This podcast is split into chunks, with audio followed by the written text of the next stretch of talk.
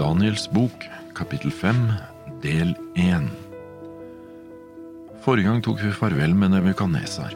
Han lovet den høyeste og priste og æret ham som lever i evighet. Hans herredømme er et evig herredømme, og hans rike varer fra slekt til slekt. I dag skal vi se på en annen historie som ikke er fullt så oppløftende, men den er allikevel spennende og full av lærdommer. Den er også interessant med tanke på at Daniels bok er en bok som har en del paralleller til endetiden. Nebukadnesar eh, er borte nå, og riket er gått over til andre, til Nabonid. Belsasar, som vi møter i kapitlet, var nok Nebukadnesars barnebarn og var medregent under sin far. Det er nok derfor han sier i vers syv at den som tyder Skriften skal være den tredje rike. Det viser oss at Belsasar selv var nummer to. Navnet hans betyr at Bell må beskytte kongen. Tidligere var det mange bibelkritikere som ikke festet lit til Daniels bok på grunn av at Belsazar sto nevnt som konge i Babylon, før Kyros tok over. De fant ikke navnet hans i de historiske nedtegnelsene de hadde, men arkeologien har gravd fram en masse som viser at eh, Bibelens Belsazar har levd, og at han var medregent under sin far. Daniel begynner kapittel fem med å fortelle at kong Belsasar holdt et stort gjestebud for sine stormenns øyne og drakk vin. Øyne er samme ordet som er oversatt med tusen. Kongen burde gått foran med et godt eksempel, men han gjør ikke det. Han drikker foran de tusen stormennene. Belsasar visste at mederne og perserne var ute etter å innta byen, men han endrer altså ikke kurs på grunn av det. Han er mer opptatt av å feste som før, og hans svakhet og uklokskap smitter over på stormennene og gjorde at Babylon sakte og sikkert går mot slutten. Ut fra historien så befinner vi oss i året 539 eller 38 før Kristus. Daniel er blitt en godt voksen mann på vel 80 år. I vers to så står det da vinen smakte Belsazar, befalte han at de skulle hente karene av gull og sølv som hans far Nebukadnesar hadde ført fra tempelet i Jerusalem, så kongen og hans stormenn, hans medhustruer og hustruer kunne drikke av dem. Da vinen eh, smakte Ordet som er oversatt smakte, betyr i overført betydning dømmekraft, både subjektiv og objektiv. Det var ikke smaken, men den nedsatte dømmekraften som gjorde at kongen kom med sin befaling for befalingen som kongen ga, var ikke veldig gjennomtenkt. Det er ganske arrogant når man vet det kongen vet, og som vi senere skal se at Daniel ansvarliggjør kongen for. Husker du forsettet til Daniel i kapittel én, om å ikke gjøre seg uren ikke bare med kongens mat, men også hans vin? Det er ikke så dumt, for du vet aldri når du står i en situasjon som vil kreve all din dømmekraft. Belsazar kjente ikke framtiden, han visste ikke hva kvelden ville bringe. Karene fra tempelet i Jerusalem var satt til side og innvidd til hellig bruk, men Belsasar bryr seg ikke om det, han bruker dem på den måten han selv vil. Den nedsatte dømmekraften gjorde at kongen, som vi leser i vers tre og fire, henter karene som var ført bort fra tempelet fra gudshuset i Jerusalem og kongen og hans stormenn og hans medhustruer og hustruer drakk av dem. De drakk vin og priste sine guder, av gull og sølv, av kobber, jern og tre og stein. Tempeltjenesten i Jerusalem, den var strengt regulert. Karene, som var satt til side til hellig bruk, de skulle ikke vanhelliges og brukes til andre ting enn det de var innviet til. En nazireer var også innviet til Herren. Han skulle også holde seg borte fra vin og sterk drikk. I forbindelse med innstiftelsen av påsken var det lagt vekt på det samme.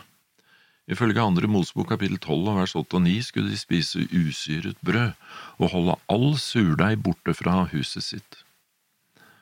Den som eh, allikevel valgte å spise usyret brød, skulle utryddes av Israel, for surdeigen og alt som var gjæret, var et bilde på synd. Når Jesus døde på korset, oppfylte han bildene i påsken. Han var, og han er, vårt påskelam.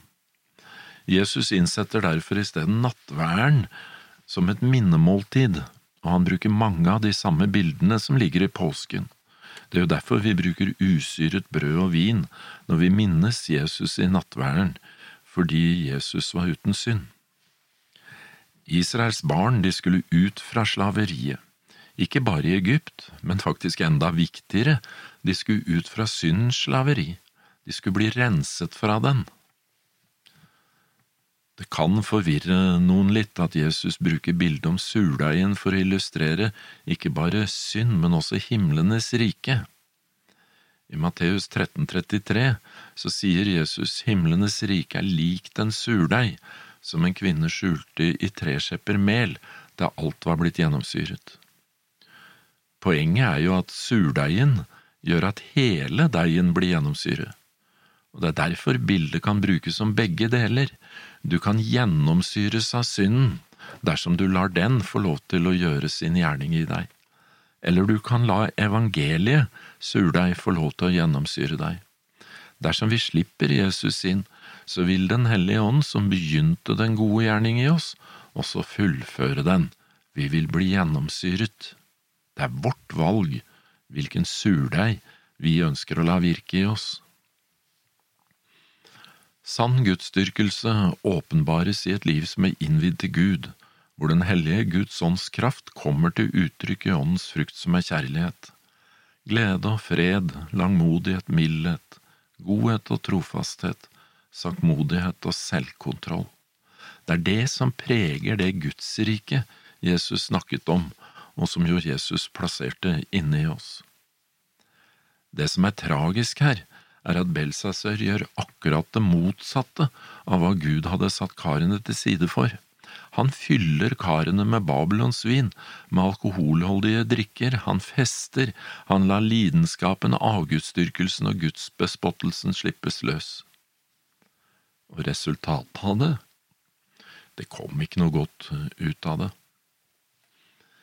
I vers fem så står det at i samme sund kom det til syne fingrer av en menneskehånd som skrev på den kalkede veggen i kongens slott, midt imot lysestaken, og kongen så hånden som skrev.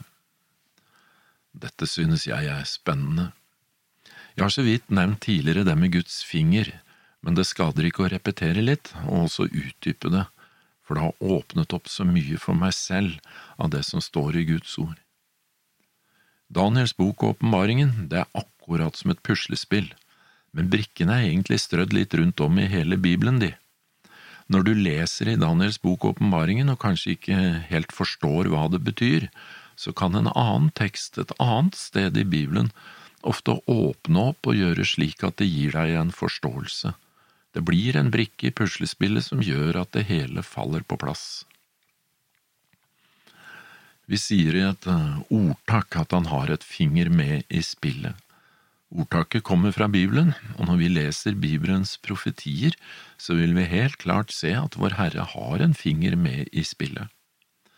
Etter at Aron ved utgangen fra Egypt hadde rakt ut hånden med staven og slått i støvet på jorden, og støvet var blitt til mygg, sa spåmannen til farao, dette er Guds finger. Akkurat som eh, Daniel og vennene hans sto overfor Babylons spåmenn og åndemanere og tegntydere, sto Moses foran Egypt sine. Og på andre siden i dette spillet, der var Guds finger. Men farao brydde seg ikke om Guds finger. Han hørte ikke på Guds utsendte profet, men forherdet bare sitt hjerte. Senere, når de får de ti bud på Sinai, står det også noe om eh, Guds finger. Jeg leser fra andre Mosebok, kapittel 31 og vers 18. For da Herren hadde talt ut med Moses på Sina i bjerg og gitt ham vitnesbyrdets to tavler, steintavler, står det at de var skrevet med Guds finger. Det er ikke så mye Gud har skrevet direkte i historien, men det er kanskje mer enn du tror. I Matteus 12 fortelles det en historie hvor Jesus helbreder en mann som var besatt av en ond ånd. Noen mente at Jesus hadde drevet den ut ved Belsebuls hjelp. I Matteus kapittel 12 fra vers 26 så sier Jesus, Dersom nå Satan driver Satan ut, da har han kommet i strid med seg selv. Hvordan kan da riket hans bli stående? Dersom det nå er ved Belsebuls hjelp jeg driver de onde ånder ut, ved hvem er det da deres egne sønner driver dem ut? Derfor skal de dømme dem dere. Og legg nå merke til det Jesus sier i vers 28. Men er det ved Guds ånd jeg driver de onde ånder ut, da er jo Guds rike kommet til dere. Jeg synes det er så fint å lese, og det hjelper meg til å se hvordan Guds rike kan bli en realitet i hjertet mitt jeg trenger Den hellige ånd og Hans hjelp. Og Bibelen åpenbarer dette i et klarere lys. Jeg må be Gud om å bruke sin ånd og drive onde åndemakter ut av hjertet mitt, så Guds rike kan flytte inn i stedet. Når Lukas forteller samme historien i Lukas kapittel 11 og vers 18 og 19, så er innholdet helt likt, bortsett fra en liten detalj. Legg merke til vers 20 men er det ved Guds finger jeg driver de onde ånder ut, da er jo Guds rike kommet til dere. Det viser oss at Guds finger på en måte er et synonym for Guds ånd. Paulus skriver i 2. Timotius 3,16 at hele Skriften er innåndet av Gud og nyttet til lærdom, til overbevisning, til rettledning, til opptuktelse i rettferdighet. Og jeg liker det, og det viser meg at Gud har en finger med i Bibelen for den er inspirert av Han. Guds finger skrev de ti bud på steintavlene, og Guds ånd ønsker å skrive de samme budene i hjertene våre. Gud bruker altså sin finger til å overbevise oss om synd, og sin ånd til å endre vår karakter.